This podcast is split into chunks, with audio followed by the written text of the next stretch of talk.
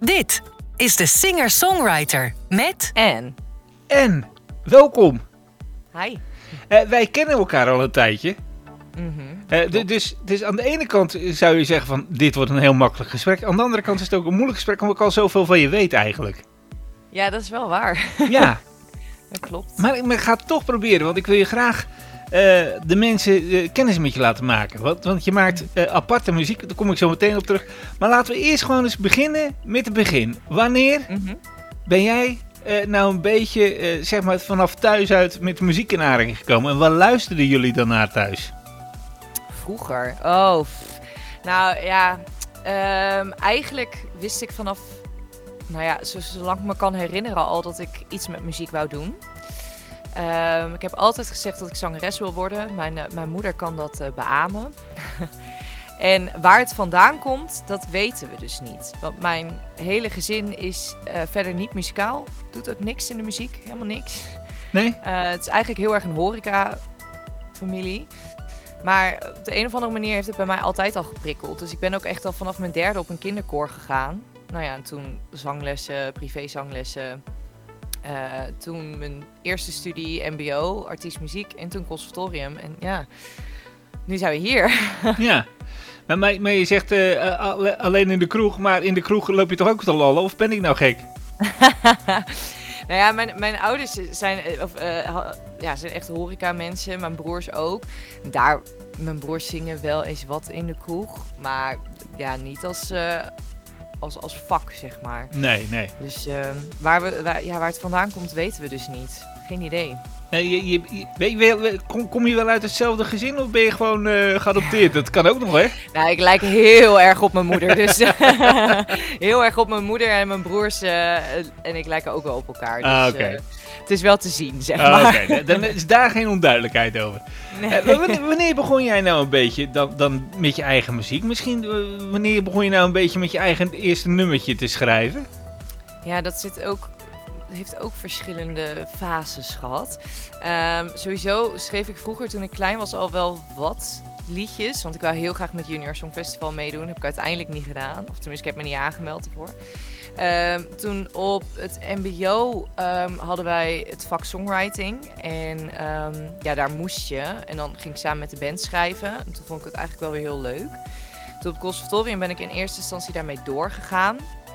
Maar toen was er een moment dat ik dacht, ik kan dit niet meer. Het was gewoon, het, de band viel uit elkaar. Ik vond het zelf niet leuk meer. Ehm, en toen dacht ik heel erg dat ik het niet meer kon.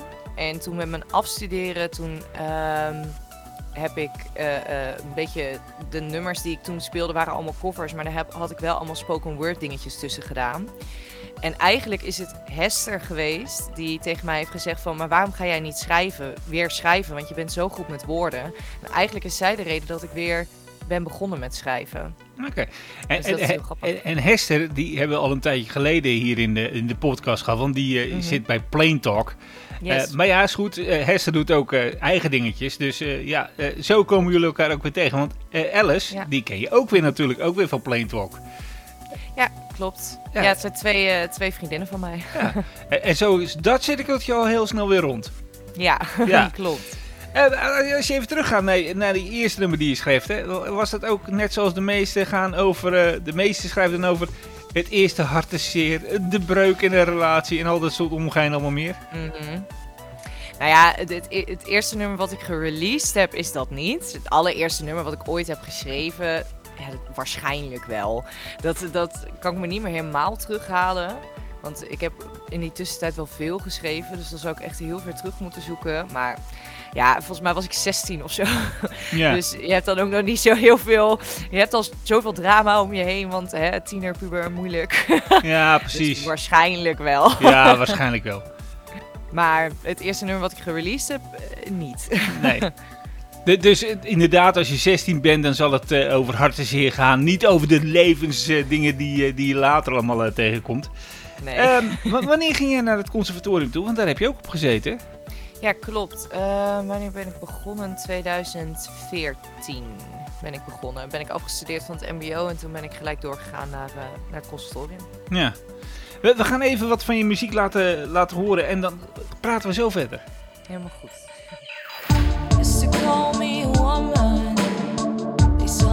Face in the mud. White and sulfur shared the same skin. Red and warm, we shared the same blood. Same by life, different by name. Both made out of the earth. I vanished, disappeared out of the book. They hate my name, hated since birth.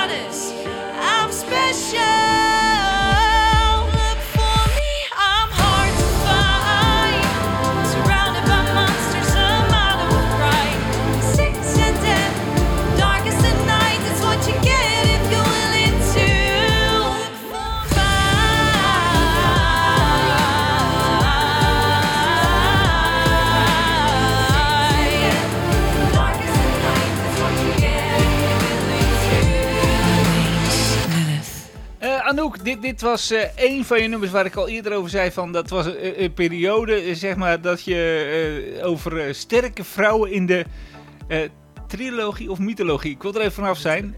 Mythologie, hè? Ja. Ja, ja, ja, ja. We hebben een heel gesprek destijds over gehad, eh, hoe en wat en waarom en de duistere verhalen er allemaal omheen. Ehm, zit je nog steeds in die hoek? Ehm, nou, ik, ik denk niet dat ik daar echt ooit uit ga. Ik vind het eh, sowieso nog steeds wel heel leuk om ehm, over anderen te schrijven, maar waar ik zelf een connectie mee heb. Dat is het een beetje. Want al deze vrouwen die uit de EP komen, ja, het zijn niet mijn verhalen, maar ik heb wel een heel erg feministisch randje. En ja, daardoor kan ik me wel weer inleven. Eh, omdat het allemaal verhalen over vrouwen zijn natuurlijk die eigenlijk eh, zijn het allemaal misvattingen. Er zijn heel veel misvattingen over hen. En dat gebeurt om vrouw, t- omtrent vrouwen natuurlijk wel vaker. Dus daar, ik denk niet dat ik daar ooit uitkom. Want eh, ik denk dat je mijn politieke standpunten en zo ook wel terug hoort in mijn muziek. Ja. En ehm, heel erg mijn karakter. Ehm, maar het is wel, ja, weet je, dit was natuurlijk een concept-EP. Ehm, maar ik schreef ook al wel dingen over mezelf. Of tenminste over mijn eigen leven. Soms met daar hier en daar een uitstapje. ehm, dat ik iets als een leidend voorwerp pak. Dus bijvoorbeeld de single die daarna, eh, tweede single die daarna kwam was Alice. Nou, is Alice in Wonderland. Maar als je goed naar de tekst luistert, dan gaat het wel over mij. Ja. Dus ik vind het wel leuk om ehm, ja, het een beetje als een verhaal te vertellen. In plaats van heel straight up van dit is het. En, en, dan hebben we het over Alice in Wonderland en dan denken de mensen thuis, nou, dat valt toch wel aan mee, dat, dat is toch niet zo Duitse vrouw. Maar we hebben het ook over de vrouwelijke Jack the Ripper gehad destijds. Klopt, Elizabeth. Ja, Ja, ja, dat is een hele andere kant weer eh, van het... eh, wat- wat- Ja. ik- toen, toen zei ik al tegen je, van, gaan, al die, eh, gaan al die platen over dood en verderf, moorden en nou, ja, verkrachtingen dan nog net niet, maar ik bedoel, Nee. Het was wel, dat- het was wel, het was wel de lugubere kant allemaal. Ja, klopt. Nou ja, ja die, zij was wel, eh, denk ik, het meest luguber van, van hun allemaal. Eh, maar waarom ik die toen heb geschreven was met het idee van... ik vind het heel vreemd dat zij in het Guinness Book of Records staat... als de grootste seriemoordenares ter wereld. En niemand kent haar. Altijd als ik aan mensen vraag, oh, weet je wie dat is? Nou, dan weten ze het niet. En dan vraag ik, oh, weet je wie Jack the Ripper is? En dan zeggen ze, oh, ja, ja, ja, ja, die ken ik wel. Ja. Nou, daar gingen bij mij, dan gaat er bij mij een beetje een error af. Dan denk ik, huh? en dan ga je het een beetje uitzoeken. En dan zie je dus inderdaad, omdat ze vrouw is, dat het meer naar de achtergrond wordt geschoven.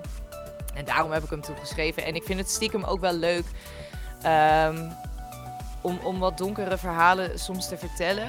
Ehm, ik zie het altijd een beetje hetzelfde als mensen vinden het leuk om naar horrorfilms te kijken. Mensen vinden het leuk om eh, podcasts over true crime te luisteren of boeken te lezen die spannend zijn. Ehm, dat zijn vaak de meest populaire eh, films, boeken, podcasts. En ja, ik heb dat randje ook wel in me zitten, maar ik vind het dan lekker om, het, eh, om een verhaal over te schrijven en daar dan uiteindelijk een liedje van te maken. ja. Je bent zangcoach. Mhm. Gelukkig leer je dit niet al je leerlingen. nou, ik leer ze wel als ze met liedjes, want ik krijg ze ook wel eens. Ik, in principe geef ik zangles, maar ehm, ze komen natuurlijk ook wel eens naar me toe eh, dat ze graag een liedje willen schrijven. Ehm, en ik, ben, ik probeer wel altijd mee te geven van je moet gewoon schrijven wat je zelf wil. Dus ook al ehm, wordt bijvoorbeeld de chart nu heel erg eh, gedomineerd door, door pop en dat gaat veel over liefde en nou ja, de standaard verhalen. Als jij daar niet over wil schrijven, ja, kies wat anders uit. En Ja. bijvoorbeeld als je kijkt naar andere muziekstijlen zoals metal en zo, daar is het heel normaal. Daar gebeurt het heel veel. Ja, ja daarom heet het ook death metal, hè? Ja, ja maar er zijn best wel, veel, eh, best wel veel muziekstijlen waar dat eigenlijk veel in gebeurt. En soms heb je het niet eens door. Want eh Billie Eilish heeft ook een nummer wat, eh, waarin zij zelf een moordenaar is, bijvoorbeeld. En Ja. niemand heeft dat door. Ehm, totdat je de tekst goed leest. Ja. nou ja, goed, la- laten we even heel teruggaan eh naar de jaren 80. Toen hadden we New Wave. Mhm. The Cure was daar eh, een van de voorbeelden van. Ja. Lekkere depri-pop, zoals dat noemde. En Mhm. The Cure heeft ooit wel eens een keer een Friday I'm in Love. was de enige plaat die ze ooit eens gemaakt hebben waarvan ze zeiden van... nou, dan klinkt het nog een beetje vrolijk wat we maken. ja, ja. Dus dat, dat zegt wel wat de rest was allemaal. Ja, Ehm, maar, maar wat ik zei, je, je, bent, je bent zangdocent. Je, je, je, Mhm. je, je- je je leerlingen dan mee van, goh, wees jezelf, wees authentiek. Ehm, eh, jezelf bestempel je als authentiek. Ehm, je bent niet in een hokje te plaatsen. En eh, je hebt eens een keer, eh, daar ga ik even mee- ga ik een tijdje met je mee terug. Mhm. Eh, toen, stuurde je volgens mij een berichtje van... ehm, waarom wordt mijn muziek niet zo goed opgepikt? Waar, waar, waar ligt Oh, dat aan? TikTok. We- we- weet Ja. je nog? Dat, Ja, ja, TikTok was dat, ja, inderdaad. Toen was je een beetje in een, eh, in een downfase dat je, dat je zoekende was naar mijn gevoel van... Ja, Ja. waar, waarom, waarom, luister, waarom gaat dit niet? Ja, het was een beetje. het- nou, dat was wel precies in de periode dat ik mentaal niet zo heel stabiel was. Ehm, maar het, het voelde heel erg. En nu, kan- het- uiteindelijk kan ik dat allemaal relativeren, natuurlijk. Hè, maar het, ehm, het, wat vooral zo voelde was. ehm, na corona zijn er zoveel bands en songwriters en alles bijgekomen. En die twee jaar. Nou ja, vooral de jaren nadat ik afgestudeerd ben, dat voelde e- voelt soms echt alsof dat een beetje van me afgepakt is. Want eh, ik moet nu met veel meer mensen battelen om naar Ja. voren te komen dan toen. Ehm, en dat kan soms gewoon wel eens heel frustrerend zijn. En op TikTok ben ik juist heel erg van het laten zien dat het niet altijd. Ja, het, het klinkt natuurlijk als een, een droomberoep en dat is het in die end ook. Maar ja, er zitten natuurlijk ook gewoon haken en ogen aan. En ehm, je kan soms bepaalde dingen heel persoonlijk opnemen, terwijl het niet per se persoonlijk is. Maar ja, het zijn wel jouw liedjes. Jij bent de artiest. Jij drukt jezelf naar voren. En als het dan eh, even niet lekker loopt, dan denk je wel, shit. Terwijl in die periode, als ik er nu op terugkijk, dan denk ik, het ging toch eigenlijk best wel goed. Ja. maar ja, dat is dan weer zo'n dingetje. Op een gegeven moment bijvoorbeeld, ik heb echt wel vrij veel volgers op TikTok, bijvoorbeeld eh, richting de 6000. Maar op een gegeven moment zeggen cijfers ook niet zoveel meer. Dus je gaat je, je probeert toch ergens een maatstaaf aan te, Ja. ja, uit te zoeken. Maar dat is er eigenlijk gewoon niet. En dat Nee. is zo'n dingetje van, ja, daar moet je eigenlijk maar gewoon mee akkoord gaan. Maar dat vind ik soms wel lastig. Ik, En ik denk dat heel veel artiesten dat hebben. Nou ja, ik, ik had een tijdje geleden ik ook hier in deze podcast ook Daisy Ducro, de dochter van Mhm. Maarten Ducro. Nou, Maarten Ducro, bekend wielrenner, werkt bij Mhm. NPO 1 als eh, verslaggever. Ehm, eh, en die zei ook, ja, het is leuk dat je vader dan wel bij de radio zit. Maar dat wil nog niet zeggen dat je ook binnenkomt. Je moet er wel gewoon hard voor werken. En Ja, dat is het, hard voor werken en een deel geluk hebben. Ja, klopt. Ja. En ik denk wel dat, ehm, nou ben ik gelukkig, dat, dat, dat ben ik echt wel mee geblest, zeg maar, dat ik sociaal vrij makkelijk ben. Dus ik stap wel makkelijk op mensen af en ik ben ook echt niet bang om eh, mails te sturen en gewoon berichten op LinkedIn en zo. En ik merk gelukkig dat mensen dat wel waarderen. Ehm, ik denk als je dat niet hebt, dat het nog moeilijker wordt. Ja. Want ja, je moet jezelf gewoon naar voren drukken. Er is geen andere optie. Want ze gaan niet, ja, het is niet, ze kijken naar je blauwe ogen en denken, ja, die gaan we draaien. Je Ja. moet wel zorgen dat je in beeld komt. Ja. Ja, en Ja, dat ja, kan dat- soms dat wel zo. moeilijk zijn. Ehm, je had het net over je EP. Die, die, eh, die, die heb je ook eh, in Metropool heb je die, eh, te doop gebracht, zeg maar. Hoe was dat voor jou om, die EP dan eh, zo live te spelen? Ik weet dat je broeder was. Mhm. Ja, beide broers. Ja, mijn hele, hele gezin was er. Ja. Inclusief eh, een aantal nichtjes en neefjes. Ik ben tante van acht kinderen, dus... eh, Even kijken, waar was ik nou in mijn zin? Je zei je neefjes en nichten waren er, alle acht. Oh ja. Ja, het, het ding... nee, niet alle acht, want sommige zijn nog een beetje te jong. Oh, Maar wel een aantal. Maar ja, het, het, was zo, het was ons eerste live optreden ooit. Dus sowieso dat ik die kans al kreeg vanuit Metropool. Dat ik ehm, mijn EP-release als headline show eh, daar mocht doen. Terwijl we nog niet op podium hadden gestaan. Was natuurlijk al bizar. Ehm, voelde ook wel... Ik, ik leefde er heel erg naartoe. Maar het voelde ook wel daardoor een beetje... Dat je toch wel een beetje pressure hebt. Dat je denkt wel, ja, ik moet nu wel wat goeds neerzetten. Ehm, eigenlijk ging het optreden heel goed. Het was heel fijn. Ehm, heel veel goede reacties gekregen. En ook Metropool was heel, ehm, ja, was heel enthousiast. Dus dat was heel... Ja, het was echt wel een beetje een magische avond. ja. Eh, ook het voorprogramma was ook fantastisch. Daar heb ik inmiddels ook echt wel een hele leuke band mee gekregen. Want ik kende haar eigenlijk niet van tevoren. Dus eh, ja, het was wel, ik was wel heel erg overprikkeld op een gegeven moment in de kleedkamer. dat was echt verschrikkelijk. Dat, dat, eh, nou ja, het was een hele drukke avond in Metropool. Er was wat in het muziekcafé, er was wat in de Saxionzaal en er was wat in de, ik weet even niet hoe die zaal heet, de grote zaal. Ehm, en wij zaten boven met z'n allen te eten. En er was zoveel herrie en zoveel geluid dat ik echt helemaal... Ja, ik, eh, ik heb daarna even twee uur op de bank gelegen. Daar gewoon om even te ontprikkelen. Want ik ben natuurlijk wel op dat moment ook leidend. Dus alles wordt aan mij gevraagd. Wat helemaal goed is. Maar daardoor heb je eigenlijk geen moment rust. Nee, precies. Maar ja, dat doe ik ook graag hoor. Ik, ben, eh, ik hou wel van, van een beetje leiding nemen en zo. Dat, eh, dus het, als ik maar eventjes een uurtje kan ontprikkelen. Ja, e- even, even je plekje weer vinden. Precies, ja. Wat- wat, wat- zijn de plannen nou voor de toekomst? Waar, waar wil je nou nog heen? Want je hebt nu net één EP uitgebracht. Ik neem aan dat je aan de volgende alweer bezig bent. Ehm, nou ja, ja, dat het staat wel op de planning. Sowieso eh, komen er dit jaar... Nou, vandaag is ehm, mijn nieuwste single uitgekomen. Eh, dan komen er nog sowieso nog twee aan dit jaar. Ehm, op 7 juli hebben we een heel tof optreden in Metropool. Want ik host samen met Metropool een benefietconcert eh, voor de queer community. Eh, al het geld gaat naar het, eh, naar het COC in Nederland. Dus daar ben ik heel trots op.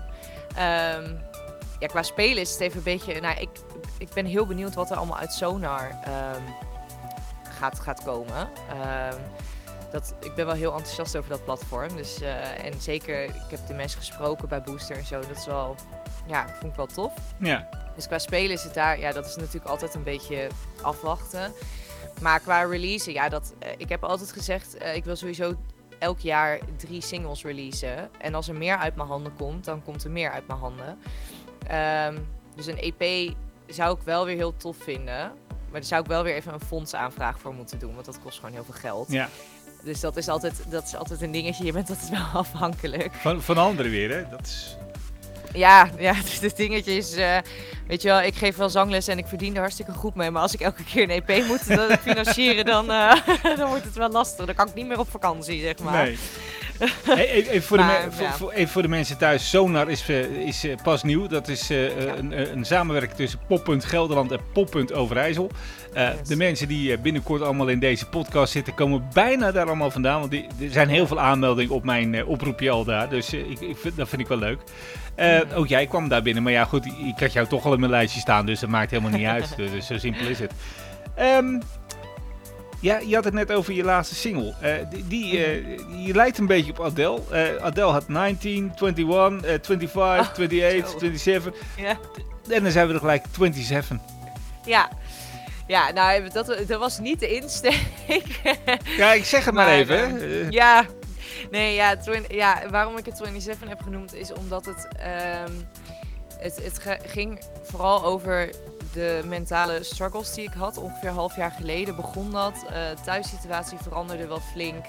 Ehm, het voelde alsof er heel veel pressure op me lag. Ehm, en alles. Eigenlijk, ik ben altijd een werkpaard geweest. En dat is goed in sommige opzichten, maar je moet ook je rust kunnen pakken. En dat deed ik gewoon te weinig. Dus op een gegeven moment kwam ik eh, ja, echt wel richting een burn-out. En ehm, nou, naar een psycholoog toegestapt natuurlijk. Eh, en ik vond het, ik heb het met haar toen ook besproken dat ik het zo gek vond dat ehm, eigenlijk als je de leeftijd 27 zegt, dat mensen echt ervan uitgaan dat je alles op de rails hebt. Eh, en ik heb ook vrienden die dat dus, die hebben ook een heel ander leven. Die hebben kinderen, die hebben een huis gekocht, weet je wel, dat soort dingen. En dat voelde voor mij zo krom dat ik dan dacht, ja, ik ga nu naar een psycholoog omdat ik mezelf een beetje te veel overwerk en moet meer rust nemen. Terwijl, ehm, en dat horen mensen op de een of andere manier toch niet graag. Hè? Als mensen vragen van, hoe gaat het? Dan willen ze eigenlijk gewoon horen dat het goed met je gaat. ja, dat is, sta- standaard. dat-. Dat is oh, eigenlijk een Ja. standaard antwoord dat je altijd geeft. Hoe gaat het met je? Nou, goed. Precies. en ondertussen terwijl- voel je gewoon, laten we gewoon eerlijk zijn, gewoon kloten.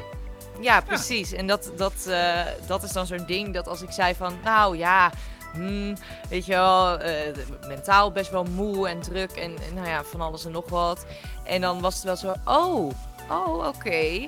En hoe gaat het met je werk? Weet je wel, dan kwam dat er gelijk achteraan Ja. dat ik denk, ja, zie je wel, het is echt een, een, een ding, het zit nog wel een beetje een taboe op en het voelt, voelde voor mij ook echt zo van, oké, nou, je, hè, eind 20, je moet nu alles eigenlijk voor elkaar hebben. En nu heb ik echt zoiets van, ja, wat onzin. Want volgens mij, als ik zo, ik heb het met mijn moeder besproken en als ik het altijd een beetje zo zie, dan denk ik, volgens mij weet je nooit echt wat je precies aan het doen bent. We doen allemaal maar wat.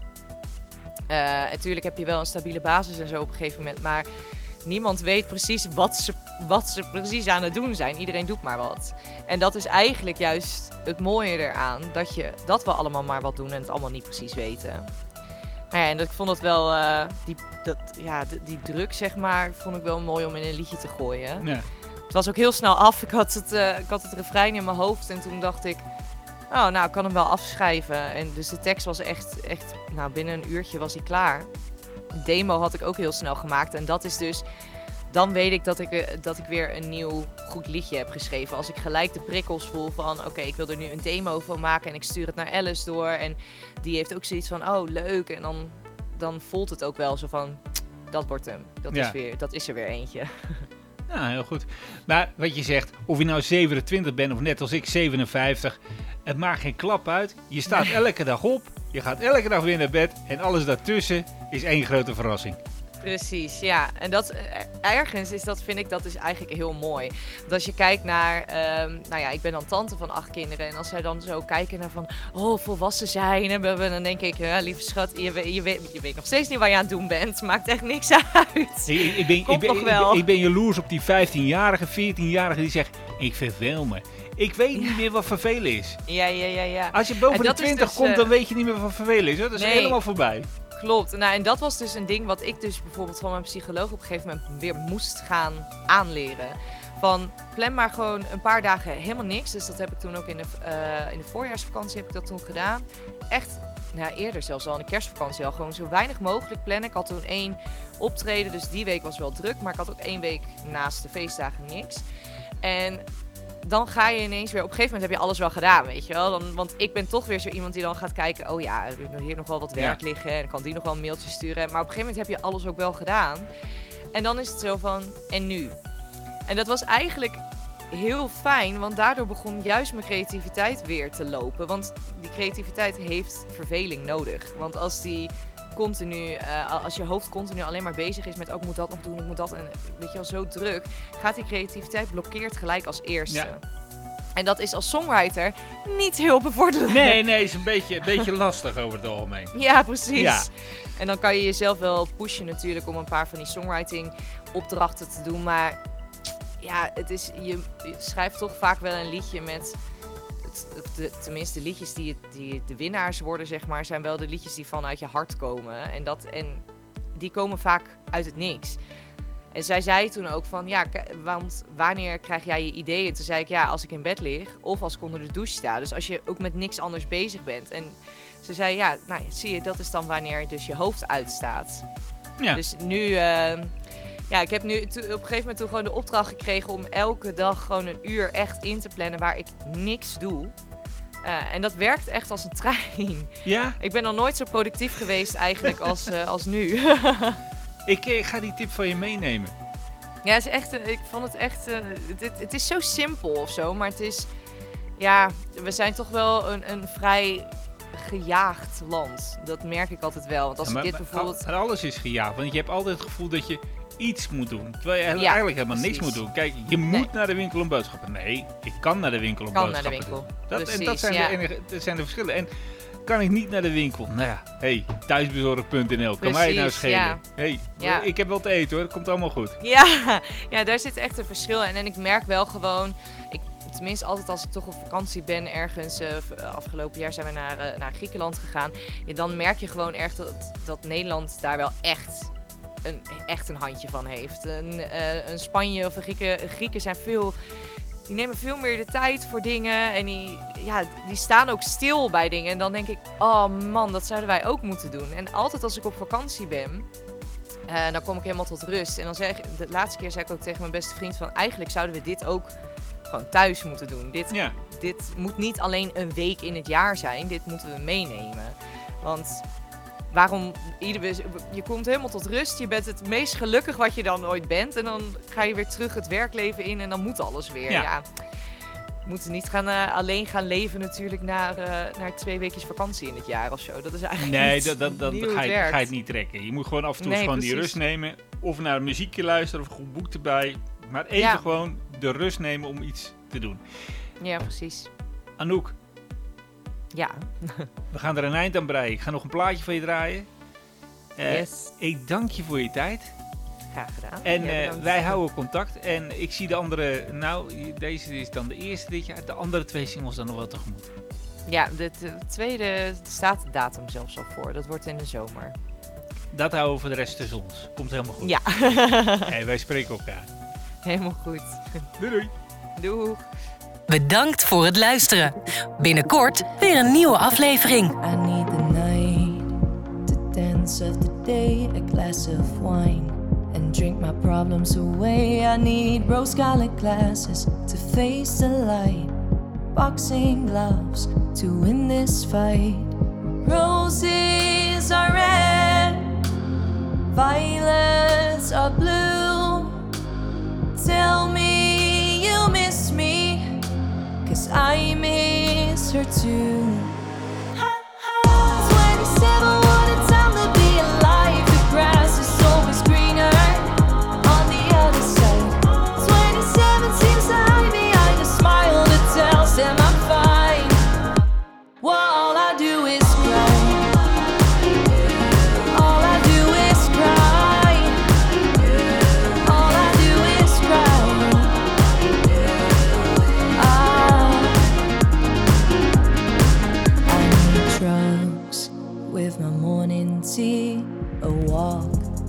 to therapy. I need to close my eyes, just sleep it off. Skin on skin as a type of love. Roses are red, violets are blue. Tell me you miss me, cause I miss her too.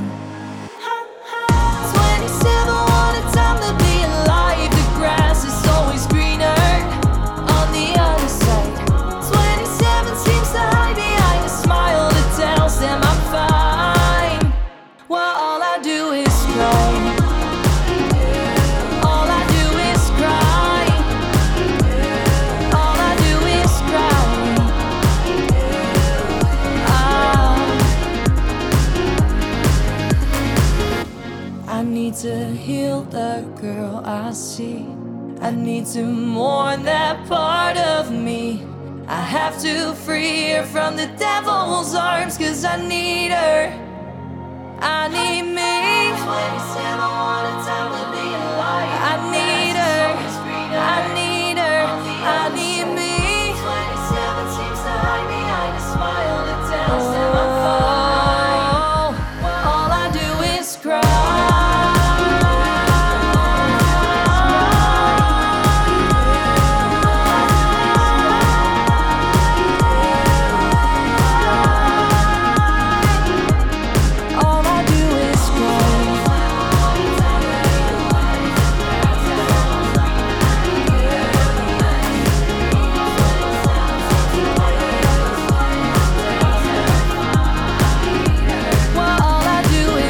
I